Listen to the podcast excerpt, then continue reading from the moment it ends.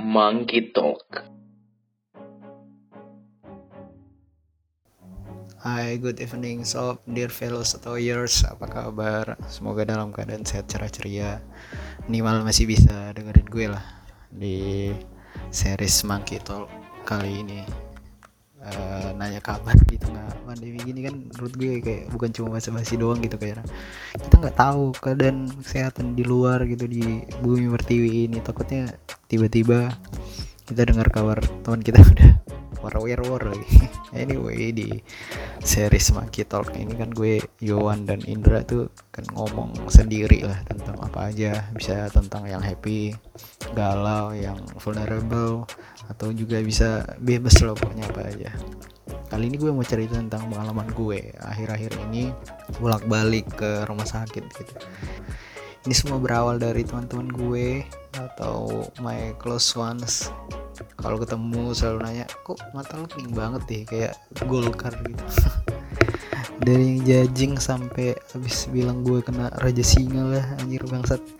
Gue sampai yang supportive juga my family pokoknya yang deket-deket yakinkan gue buat periksa aja gitu sedari dini. Minimal kalau gue pun kenapa-napa gitu ya kita bisa segera melakukan mitigasi segera mungkin gitu kalau udah kelihatan gejalanya emang ya pilihannya either tahu sekarang masih gampang diobatin atau tahu-tahu pas umur 40 pas lo udah punya anak yang masih kecil dan istri yang mengemaskan itu juga kalau umurnya sampai segitu ya siapa yang tahu kan.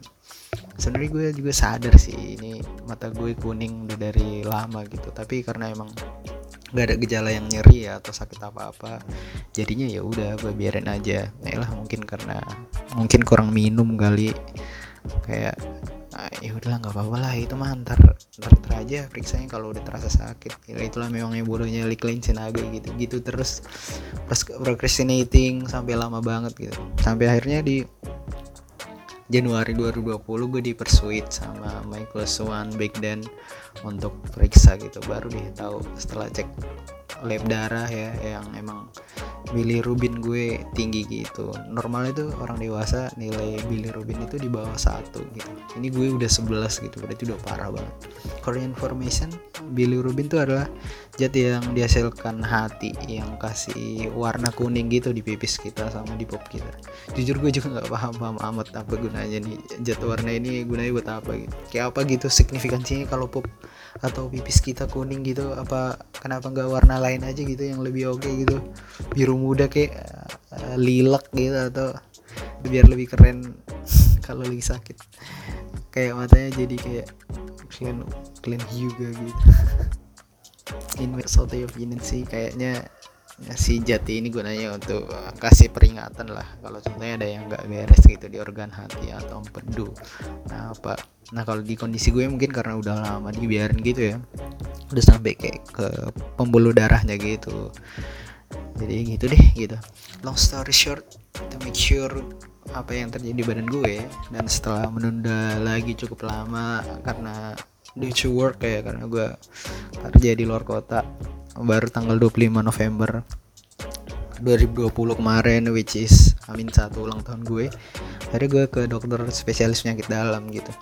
Saran gue lain kali kayaknya mending kalau mau vet check gitu ya setelah ultah aja deh gitu biar pas ultah gak kepikiran gak pikiran kepikiran amat gitu masih bisa dinikmati gitu hari itu. Biar besoknya ya bakal kepikiran juga dari dokter tuh gue disuruh lagi cek darah yang hasilnya masih sama aja bilirubinnya tinggi dan perlu sobat tahu gue tidak kena virus hepatitis ya. Hasil dari cek lab darahnya juga bilang gitu gue negatif virus hepatitis.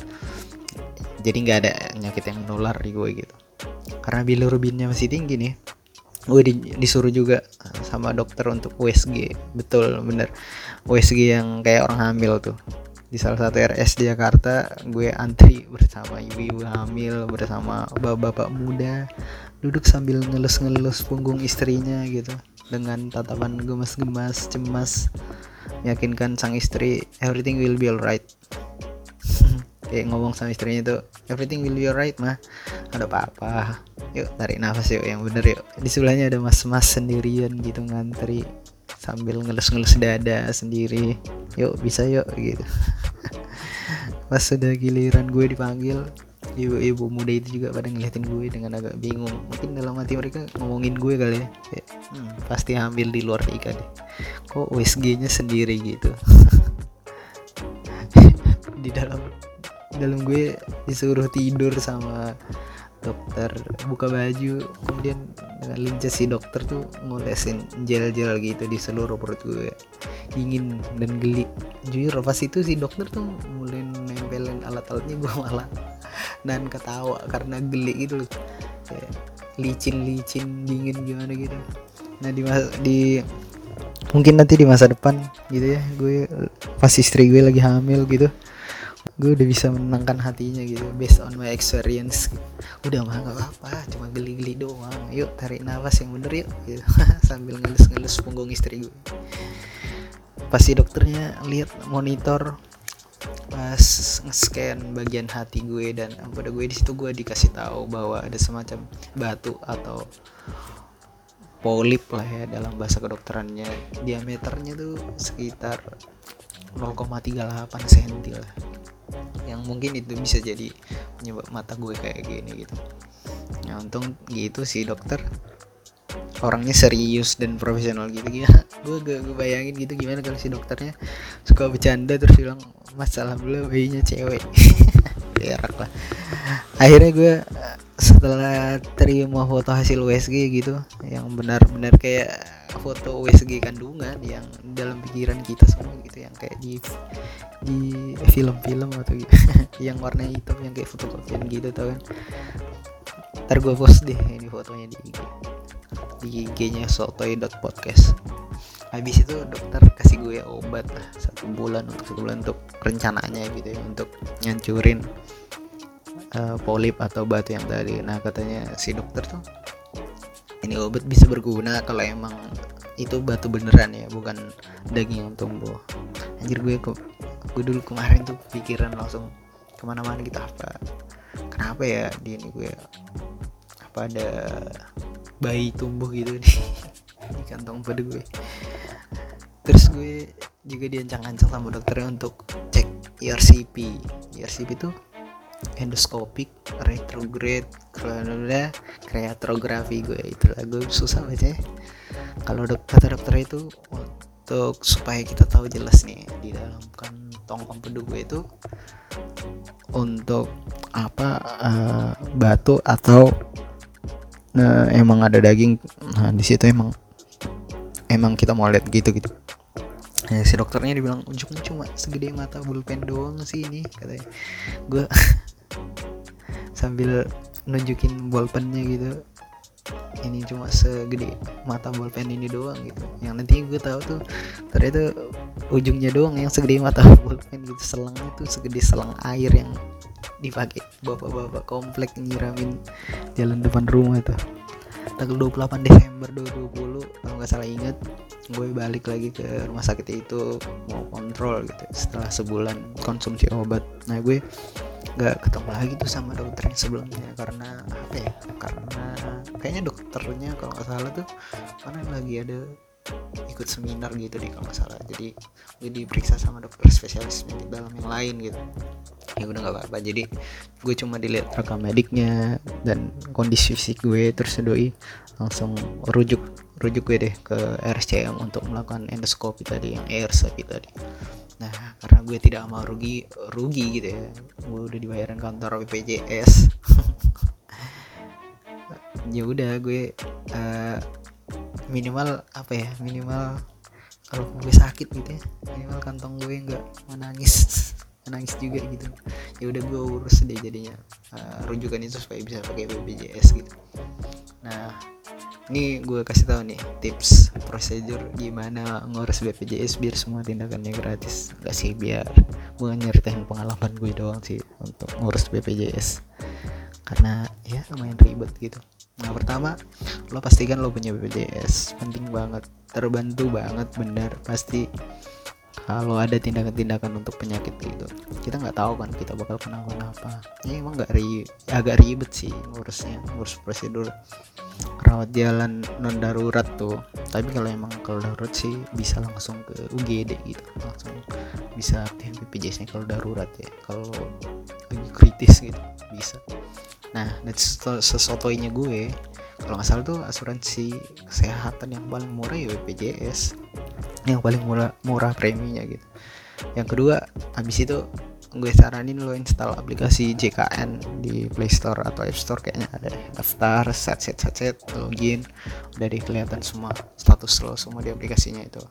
Dari Fastcase-nya nomor lo segala macam ada. Nah, lewat aplikasi itu juga lo bisa pindah Fastcase-nya Fastcase pertamanya gitu. Tapi butuh satu bulan gitu untuk pindah lokasi Fastcase nah alurnya kan soalnya dari uh, vaskes yang pertama tuh yaitu puskesmas terus ke rumah sakit terus ke rujukan terakhir kan kalau fasilitas rumah sakitnya daerahnya tidak mumpuni. Nah saran dari gue awal tuh lo fotokopi KTP, KK, kartu BPJS kalau EID lo bisa print dulu. Fotokopi aja gitu sampai 10 kali atau berapa kali gitu supaya nggak ribet lagi. Nah awalnya awalnya tuh gue harus ke puskesmas dulu. Nah gak usah lah gak usah malu ke puskesmas. Nggak apa-apa lagi. Ada sih yang malu ke puskesmas gitu. Karena karena uh, pusat kesehatan masyarakat uh, masyarakat ke bawah. Nggak juga sih. Namanya juga mau hemat biaya kan. Kecuali lo mampu ya gitu. Ya langsung aja ke rumah sakit biaya sendiri gitu. Nggak apa-apa juga. Consider yourself lucky aja gitu kalau punya kalau punya biaya yang cukup untuk langsung ke rumah sakit. Nah di puskesmas sebaiknya lo datang pagi banget gitu. Biar lo anterin juga duluan. Terus gak apa-apa lah bangun pagi dikit nanti uh, daftar bla bla bla. Nanti habis itu diperiksa sama dokter umum dulu gitu. Nah habis itu kalau emang gejalanya udah kelihatan kalau di case gue tuh karena gue udah periksa mandiri sebelumnya ya di dokter spesialis uh, periksa darah sama USG nya jadinya gue bawa dokumen-dokumen uh, dokumen-dokumen darah dan USG nya tuh gue tunjukin sama dokter umumnya itu biar cepet gitu diagnosisnya. Nah, terus habis dari dokter umumnya itu pasti dikasih rujukan deh ke poli penyakit dalam di rumah sakit daerah terdekat gitu iya pertama dari puskesmas pasti ke rumah sakit yang paling dekat dulu gitu. Nah siang itu gue langsung deh habis dari puskesmas gue ke rumah sakit yang dekat sama kosan gue rumah sakit Geraha Permata Ibu di Depok. Gue udah agak siang lah nyampe di situ karena dari puskesmas kan. Lagi-lagi fotokopian dokumen tadi tuh berguna banget gitu pas daftar-daftar. Jadi udah set-set gitu nggak bolak-balik. Fotokopi dokumen gitu. Sesuai perkiraan gue ya poli penyakit dalamnya udah rame banget gitu. Nah, mana lagi pandemi kan di sini gue bedain juga dikit kualitas pelayanannya sama di RS rujukan terakhir gitu. Ini tuh antri dan pencatatan rekam mediknya masih manual pakai tulisan tangan. Jadi gue lihat tuh suster-suster pada sibuk ribet banget gitu bawa-bawain berkas berkas rekam medik. Banyak sambil mana antrinya tuh kayak manggil nama pasien gitu. Ya yang diteriak-teriak itu ibu ini bapak ini gitu. Yang yang menurut gue pribadi ya not well managed aja gitu. Lagi uh, kalau kita meleng dikit gitu ya kita nggak tahu gitu nama kita udah dipanggil apa belum gitu. Nah kalau nanya juga takut ganggu susternya ribet terus dimarahin. Kan kasihan udah sakit pakai BPJS pegel ngantri dimarahin lagi. Nah setelah beberapa jam gue ngantri itu akhirnya dipanggil ya nama gue. Gue diperiksa dokternya. Sebentar doang karena lagi-lagi yang lab darah dan USG yang dokumennya gue bawa tadi mempercepat diagnosisnya dokter kan. Lagian kan yang RS yang pas gue bayar mandiri itu sebenarnya udah dikasih rujukan juga. Jadi gue tinggal ngasih tunjuk rujukannya sama hasil uh, eh, USG dan darahnya biar diperiksa tuh terus dibuat deh surat rujukan untuk RCP ke uh, eh, RCP endoskopi ke RS rujukan terakhir yaitu rumah sakit Cipta Mangunkusumo di Salemba Cikini. Di sini gue menurut gue much better lah semua well managed gitu. Dari sistem antri sistem pendaftaran alurnya jelas satpam juga banyak bisa ditanya-tanyain. Tapi pasti ini ya pertanyaan lo jelas dan spesifik biar lo nggak dimarahin satpam gitu. Nah setelah gue diperiksa lagi di udah di RSCM nih.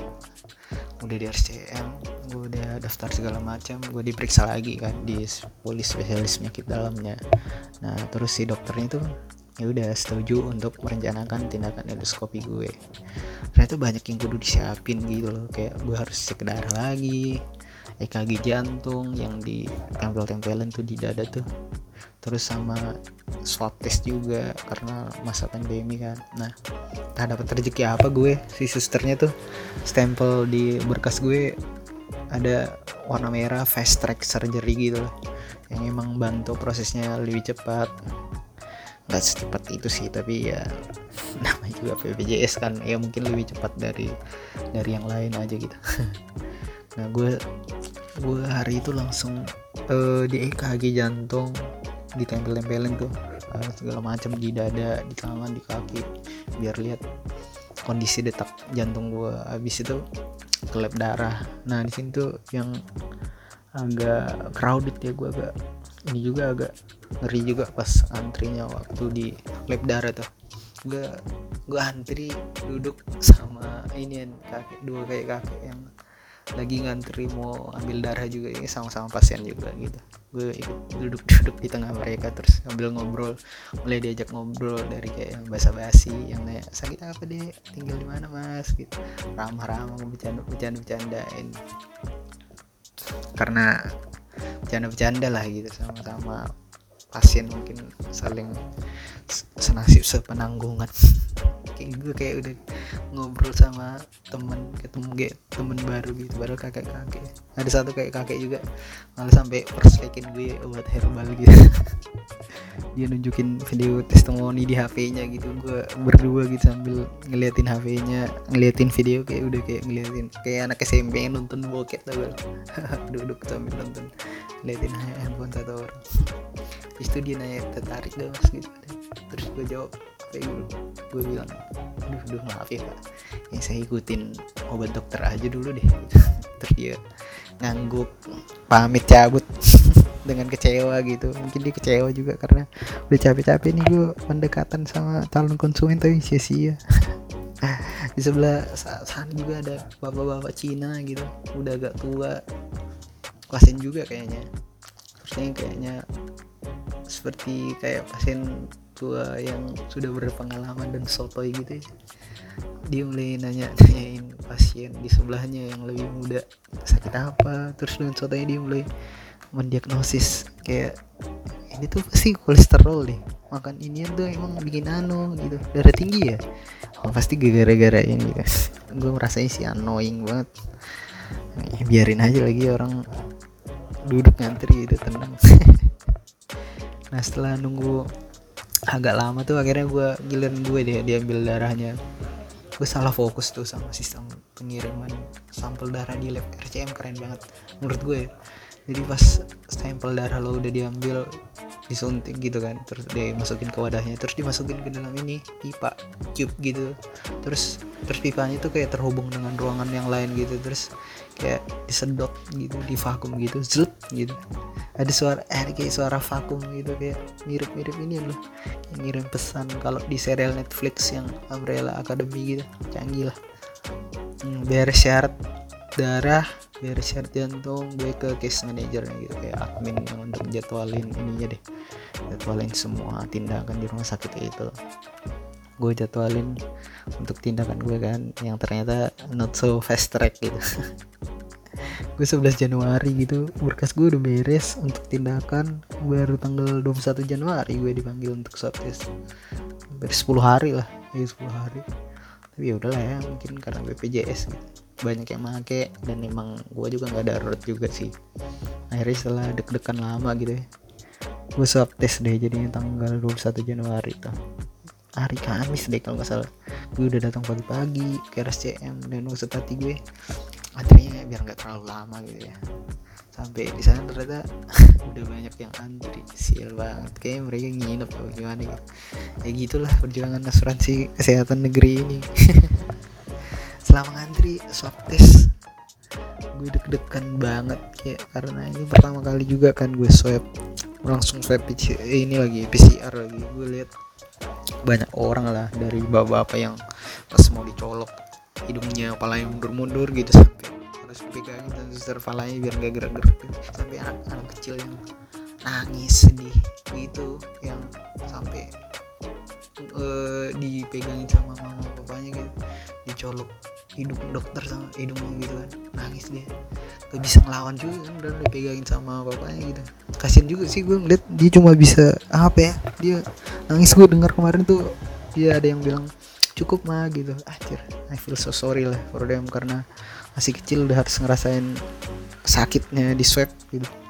Sampai lagi giliran gue juga kalau bisa kabur sebenarnya gue mau kabur aja sebenarnya. Gue duduk so tenang lah gitu di kursi. Ditanyakan sama dokternya udah pernah belum mas? Gue jawab kalem gitu sok kalem sih nih belum nih dok gitu terus gue dicolok di tenggorokan dulu tuh. Gue di tenggorokan gue dulu susah banget. Gue kayak gak bisa ini loh melet lama-lama gitu. Gak bisa kebuka gitu. Gue lidah gue selalu masuk-masuk gitu nutupin si kerongkongan jadi susah diambilkan. Jadi gue disuruh ngomong ah gitu yang panjang banget sampai supaya mulut gue kebuka. Tapi yang paling pedih banget sih yang paling parah pedih ya pas di hidung gitu yang pas di hidung tuh uh, dicoloknya dalam banget. Terus abis itu dicolok di lubang yang kecil gitu di dalam. Terus di, diputar-putar 5 detik gitu per, per gue sampai hmm, sampai netes air mata gue karena nahan pedihnya. Ini beneran pedih banget sumpah deh. Gue gak mau lagi deh gue kalau di swipe ternyata deg-degan gue juga nggak sampai di situ aja gitu. Yang paling lebih deg-degan adalah nunggu hasilnya. Gue nggak bisa tidur nungguin semalamnya kan. Kayak jumatnya gitu baru baru hasilnya baru keluar gitu. Nah gue gue takut gitu loh kalau positif gue harus diisolasi sendiri. Dan sedihnya kalau keluarga keluarga keluarga gue gitu teman-teman gue yang baru gue temui harus swab juga. Ada kemungkinan positif juga kan kalau mereka kontak erat gitu tapi ya alhamdulillahnya besok besok gue ngambil ke rumah sakit hasilnya negatif. Udah sekalian nih gue kasih ke berkas-berkasnya semua ke case manajernya gitu untuk jadwal tindakannya. Nah pas tanggal 24 Januari gue lagi di jalan pulang tuh dari satu pabrik uh, supplier lah Deutsche Work. Habis FAT lah gue ceritanya. Nah tiba-tiba gue ditelepon sama case manager rumah sakit tuh kan harus datang ke rumah sakit sekarang gitu. Uh, malam ini mau langsung rawat inap soalnya tindakannya Jumat gitu ya. Anjir gue dadakan banget lah. Gue panik banget gue panik. Terus gue teleponin semua orang kakak abang gue juga. Gue bilang aduh tolong siapin baju dan peralatan mau mau rawat inap malam ini gitu.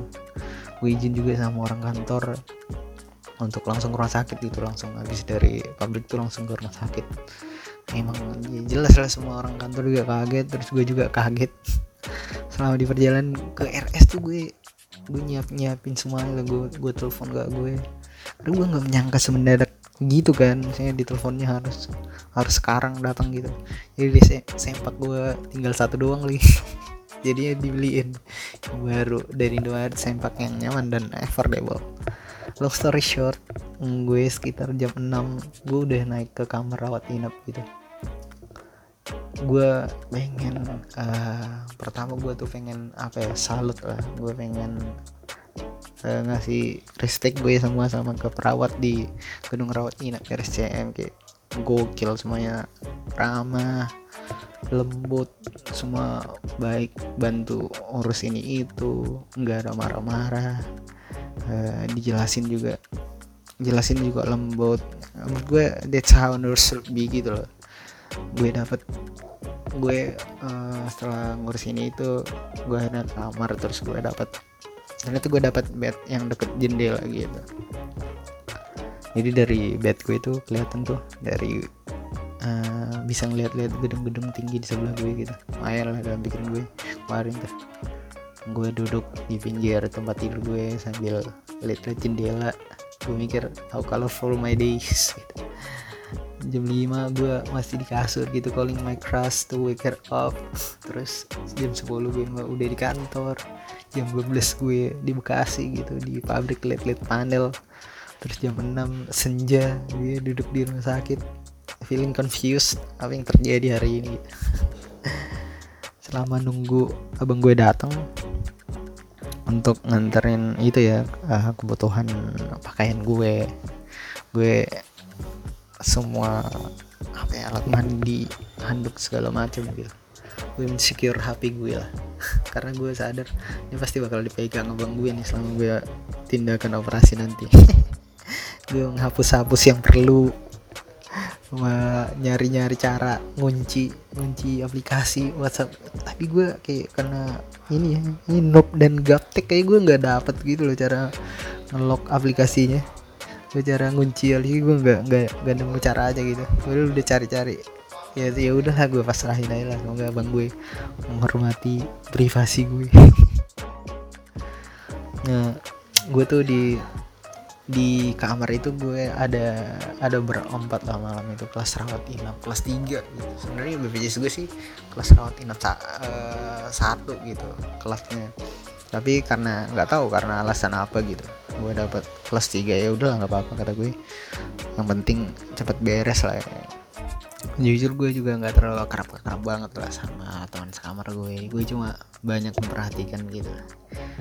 Jadi Rabu tuh gue uh, karena tindakannya masih hari Jumat ya gue juga akan ditemenin siapa-siapa gitu. Gue cuma uh, sendiri aja karena memang belum diinfus juga. Jadi gue bisa apa aja kayak nginap aja gitu.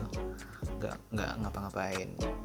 Uh, abang gue juga kerjakan jadi ya udahlah datangnya Kamis aja gitu sebelum tindakan. Nah, gue gue perhatiin semua itu ditemenin sama keluarga ya. Boleh lah gue ditanya-tanyain gitu. Masa gak ditemenin gitu? Ini semua orang hampir semua orang yang lihat gue selalu nanya gitu mas nggak ada pendampingnya nggak ditemenin gue jawab ini besok besok ada kok yang datang. Gue udah senyum senyum capek gitu jawabin. Jawabin kayak, kayak gitu kan pertanyaan-pertanyaan gitu.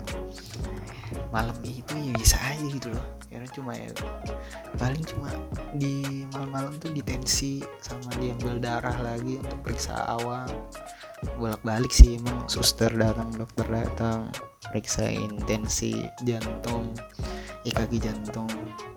E, darah gue diambil juga.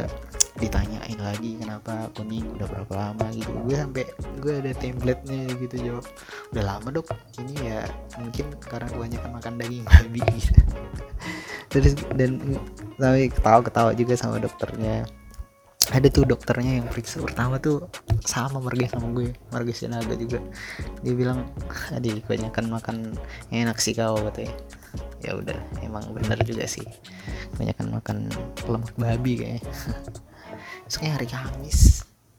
Hari Kamis uh, gue eh, dua teman sekamar gue itu Pak Daud sama Mas Aldi. Operasi telinga mau operasi telinga. Ya udah gue pas mereka mau mau keluar gitu ke ruangan operasi gue bilang sukses pak sukses mas gitu. Yang harap mereka balik lagi dengan operasi yang sukses gitu. Malamnya mereka baru masuk kamar lagi seharian gitu. Seharian Mas Aldi Mas Aldi datang ke kamar tuh masih belum sadar gitu masih tidur. Gue liat ini uh, betapa khawatirnya mamanya gitu sama sekaligus lega juga sih. Gue tanya gue tanya gimana bu? Gue bilang gitu kan alhamdulillah mas gitu. Ya bersyukur juga gue dalam hati gitu. Ya semoga cepat sadar dan pulih. Setelah pas setelah mau gantian gitu ya. Gantian jaga mungkin mama sama sama adiknya deh kalau nggak salah.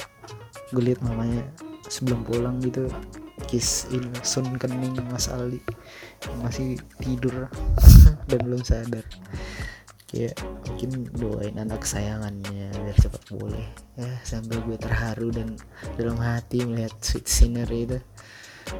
Pelan-pelan gue geser ininya Ray Gordon pemisah bed gue. Terus gue tiduran menatap langit-langit menunggu abang gue yang belum datang. Malamnya dokter anestesi yang akan bius gue besok datang dan jelasin ke gue bahwa besok tuh bakal dibius sedasi gitu bius yang sampai tidur. Gue bercanda kan nanya dokternya. Nanti setelah tindakan dibangunnya pakai tepuk tangan penonton gak dok? Ditabuk gue pakai beban jalan. Barusan gue ngarang itu. Malamnya abang gue datang udah datang lah. Udah datang malamnya. Mungkin setelah dia kerja dulu gitu. Nginep temenin gue. Soalnya gue udah mulai diinfus kan karena dari sorenya tuh gue udah mulai diinfus lah sebelum abang gue datang. Karena jam 2 pagi tuh gue harus udah mulai puasa gitu. Nah uh, oh iya habis oh sebelum gue abang gue belum datang tuh gue sorenya sempat ke kamar mandi kan sendirian gitu bawa infus. Gue karena baru ya gue baru pertama kali di infus gue lupa nutup infusnya gitu kebetulan infusnya udah kosong gitu jadi darah gue naik yang hampir sampai setengah selang infusnya gitu loh. Panik banget gue. Minta tolong ibunya bu tolong dong panggilin itu ibu susternya. Saking paniknya gue tuh. Terus setelah puasa dari jam 2 jam 2 pagi uh, hari hari Jumatnya ya jam jam 2 pagi Jumat tuh gue baru masuk ruang IRCP endoskopinya ruang operasinya baru sekitar jam 12 nah, selama nungguin tindakan tuh gue banyak juga ngobrol-ngobrol tuh sama Pak Daud tuh. Pak Daud nih orang orang uh, ini uh, dari Papua dia langsung datang. Dari Papua yang jauh-jauh untuk operasi di ini gue banyak cerita lah sama dia. Sama ini juga gue pas puasa tuh uh, ibu-ibu sebelah gue tuh yang jagain Mas Aldi bawain nasi uduk gitu kan. Ajir kecium sama gue. Kayak ajir gue lagi puasa gitu. Nyium aroma gurih nasi uduk sialan lah dengan ludah gue. Jam 12 gue udah didorong lah pakai kursi roda ke diantar ke ruang endoskopi gitu ya. Nah sama abang gue tuh diantar nanti ada juga fotonya deh kayaknya gue taruh di IG setelah dipasang baju operasi ganti itu yang baju operasi ala-ala gitu. Gue masuk ke ruang tindakannya asli dingin banget. Lampu juga kayak ini agak remang gitu nggak tahu sengaja bagaimana gitu. Terus gue disuruh tiduran kayak banyak banget peralatannya yang kayak teknologi teknologi gimana gitu monitor monitor alat-alat apa gitu terus gue susternya udah mulai ini kan setelah gue tidur gue di dipasangin alat-alat ini loh alat-alat bantu kehidupan gue infus gue diganti terus oksigen oksigen juga dipasang di hidung gue terus tensi kayak tensi otomatis gitu yang kembang bis sendiri di kaki gue gue baru baru tahu deh itu infus di kaki juga bisa. Eh bukan infus tensi tensi di kaki juga ada gitu terus kabel-kabel yang nempel-nempel di tangan gitu loh. Di kaki juga. Sama yang paling intimidasi menurut gue ini suara suara ini. Beep beep beep beep. Yang gitu yang kayak suara jantung di monitor gitu loh yang. Ya kayak di sinetron sinetron lah persis lah gue gue tuh ditinggal setengah setengah jam kayak sadar gue di ruang operasi tuh.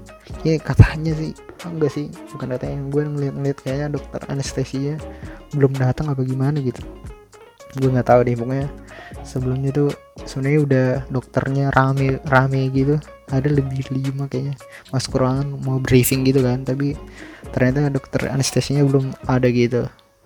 Terus gue dibiarin aja gitu sendiri selama setengah jam ya gue cuma ngeliat langit-langit gitu selama setengah jam.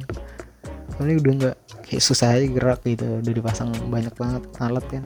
Gue gue juga di situ kayak selama setengah jam tuh dengan background bip bip bip bip dari monitor jantung gitu gue mempertanyakan keimanan gue juga. Apa gue harus berdoa apa gimana ya? Satu sisi gue malu mau doa gitu karena masa gue doa cuma pas minta pertolongan doang gitu kan? Satu sisi gue juga takut kalau nggak nggak minta doa pertolongan malah gue dibiarin lagi nanti nggak bangun lagi gitu. Asli gue kalut banget sih itu akhirnya setengah jam setengah jam gue sia-siain cuma kalut doang. Nggak jadi berdoa cuma kepikiran doang anjir. Dan setelah eh, dokter anestesinya datang gue langsung disuntik biusnya gitu eh, dia bilang gini dibawa tidur aja ya mas gitu. Eh, kayak ngantuk-ngantuk aja gitu ntar katanya ntar bawa pokoknya bawa tidur aja lah gitu udah. Terus gue disuntik nggak nyampe tiga detik atau tiga atau empat detik gitu. Tapi gue udah tiba-tiba nggak denger apa-apa terus perlahan mata gue udah buram banget gitu. Terus gue langsung tidur. Tidur ya udah gue tidur total aja gitu nggak nggak ngerasain apa-apa. Bangun-bangun gue udah di udah di luar eh, ruang operasi gitu. Samar-samar gue ngeliat suster gue gue panggil gitu pakai tangan pakai tangan gue yang ala-ala lemah gitu gue tanya sus udah jam berapa? Gimana operasinya gitu. Susternya jawab jam 3 jam 3 masuk sesko gitu. Gue lega sih tapi masih terasa sakit banget di kerongkongan gue. Entah kenapa gue tiba-tiba habis itu ya habis habis yang gue tanya ke susternya gue merasa menggigil banget gitu. Menggigil parah dingin kedinginan parah. Sampai gemeteran katanya sih gue. Tapi gue dibantu pindah tempat tidur gitu untuk ke balik ke ruang rawat inap gitu kan. Gue sama sama abang gue itu. Masih samar-samar juga gue tanya abang gue what time is it now? Are we going home? Nah gitu. Anjir lah gue malu juga ya gue setelah disertai abang gue ngapain gue kayak bahasa Inggris gitu bahasa Inggris gitu. Sebenarnya ya I did it on purpose aja sih biar kayak dilihat orang kayak keren dramatis aja gitu. Orang kayak bahasa Inggris baru bangun sosokan bahasa Inggris fuck tenggel banget asli pas didorong keluar ruangan juga gue samar-samar ngeliat kak Aniar kakak ipar gue. Terus udah gitu tiba-tiba gue nggak sadar lagi. Kayak ketiduran lagi. Terus bangun-bangun gue udah udah di ruangan rawat inapnya lagi gitu. Nah udah sadar jam berapa gitu? Jam 3 sore kayaknya gue baru sadar eh bukan deh hmm, pokoknya sore deh gue udah sore udah jam berapa lah gue udah sadar. Terus abang gue datang balikin handphone gue gitu dari abang gue. Terus gue lihat banyak notif chat gitu yang nanyain gimana operasinya.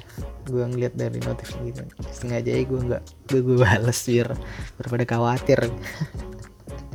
Anaknya drama abis aja tapi yang gue tungguin ngechat malah nggak nanyain gue dulu kan oh sial banget. Mas Aldi gue lihat udah udah sadar gitu diteleponin pacarnya dia. Gue ngedenger suara suara dari balik teleponnya assalamualaikum sayang gitu. Gue cuma balik lagi main HP gitu sambil tidur tiduran nge like likein Eagle di Twitter. Sampai sampai di mention gue sama si Yohan si announcer podcast ini juga. Ya, balas lain jangan like like Eagle doang di Twitter aja katanya.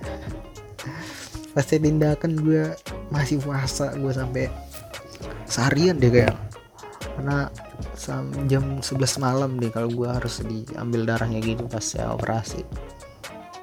Nah jadi gue harus baru bisa makan itu hari Sabtunya. Ya gue total puasa tuh berarti dari jam 2 pagi jam 2 pagi hari Jumat sampai jam 9 pagi hari Sabtu gue baru baru makan 24 jam lebih loh gokil. Gue belum pernah puasa sepanjang itu yuk. Hmm. Juga uh, harus makan bubur. Rumah sakit yang gak enak. Duh gue gak suka deh pokoknya. Sabtunya setelah dinyatakan HB darah gue udah aman. Kan dicek tuh HB nya supaya apa ini ada pendarahan atau enggak gitu loh. Jadi dicek HB nya terus gue aman dan uh, udah bisa lah untuk pulang uh, Pak Daud sama Mas Aldi tuh udah pulang duluan hari Sabtu itu. Sempet sepi sih kamar. Ditinggal gue sendiri doang gitu. Karena udah berapa hari gue bareng-bareng agak ngeliat mereka gitu. Tapi tiba-tiba gue sendiri lagi gitu. Ya semoga ya mereka cepet-cepet sehat juga lah. Sorenya gue baru dicopot infusnya sama dokter. Eh bukan sama dokter sih sorenya gue dicopot sama suster. Susternya baik banget. Canda mulu dia. Ada tuh suster, suster bercanda mulu. Gue nanya kan mau diapain nih? Saya sus. Gue bilang gitu. Terus di susternya bilang e, mau disun gitu ya terus uh, kesimpulannya gitu ya. Gue udah uh, dicek di kantong pedu gue udah setelah irsip itu tuh udah nggak ada lagi apa-apa udah nggak ada batu empedu semoga aja emang karena obat yang gue minum jadinya emang nggak ada batu lagi. Terus hmm, tapi cuma butuh ya gue MRI lagi untuk lihat liver sih nanti masih bulan 3 sekali lagi gue mau say thanks juga dan bersyukurlah pengalaman rawat inap gue nggak semengerikan itu gitu. Out ke suster-suster dokter-dokter yang di gedung ARCM super humble lembut sabar gak ada yang galak-galak gak ada yang marah ada yang malah gue bercanda-bercanda juga tapi tetap profesional gitu. Jadi buat gue sendiri jadi standar yang tinggi lah buat uh, sebuah rumah sakit ya. Tapi semoga aja gue nggak masuk rumah sakit lagi gitu semoga juga kita semua sehat-sehat pun berada. Uh, biarpun pengalaman gue di RS tuh baik tapi tetap aja kan gue sakit. Puasa disuntik gak bisa makan enak mungkin gak enak lah banyak enaknya. Jadi buat teman-teman sekalian juga take care. Semoga semua baik-baik aja. Semua lo dan keluarga semua sehat-sehat. Terakhir makasih udah dengerin Sotoys. Makasih udah dengerin episode Monkey Talks gue Belly pamit. Have a nice day. Bye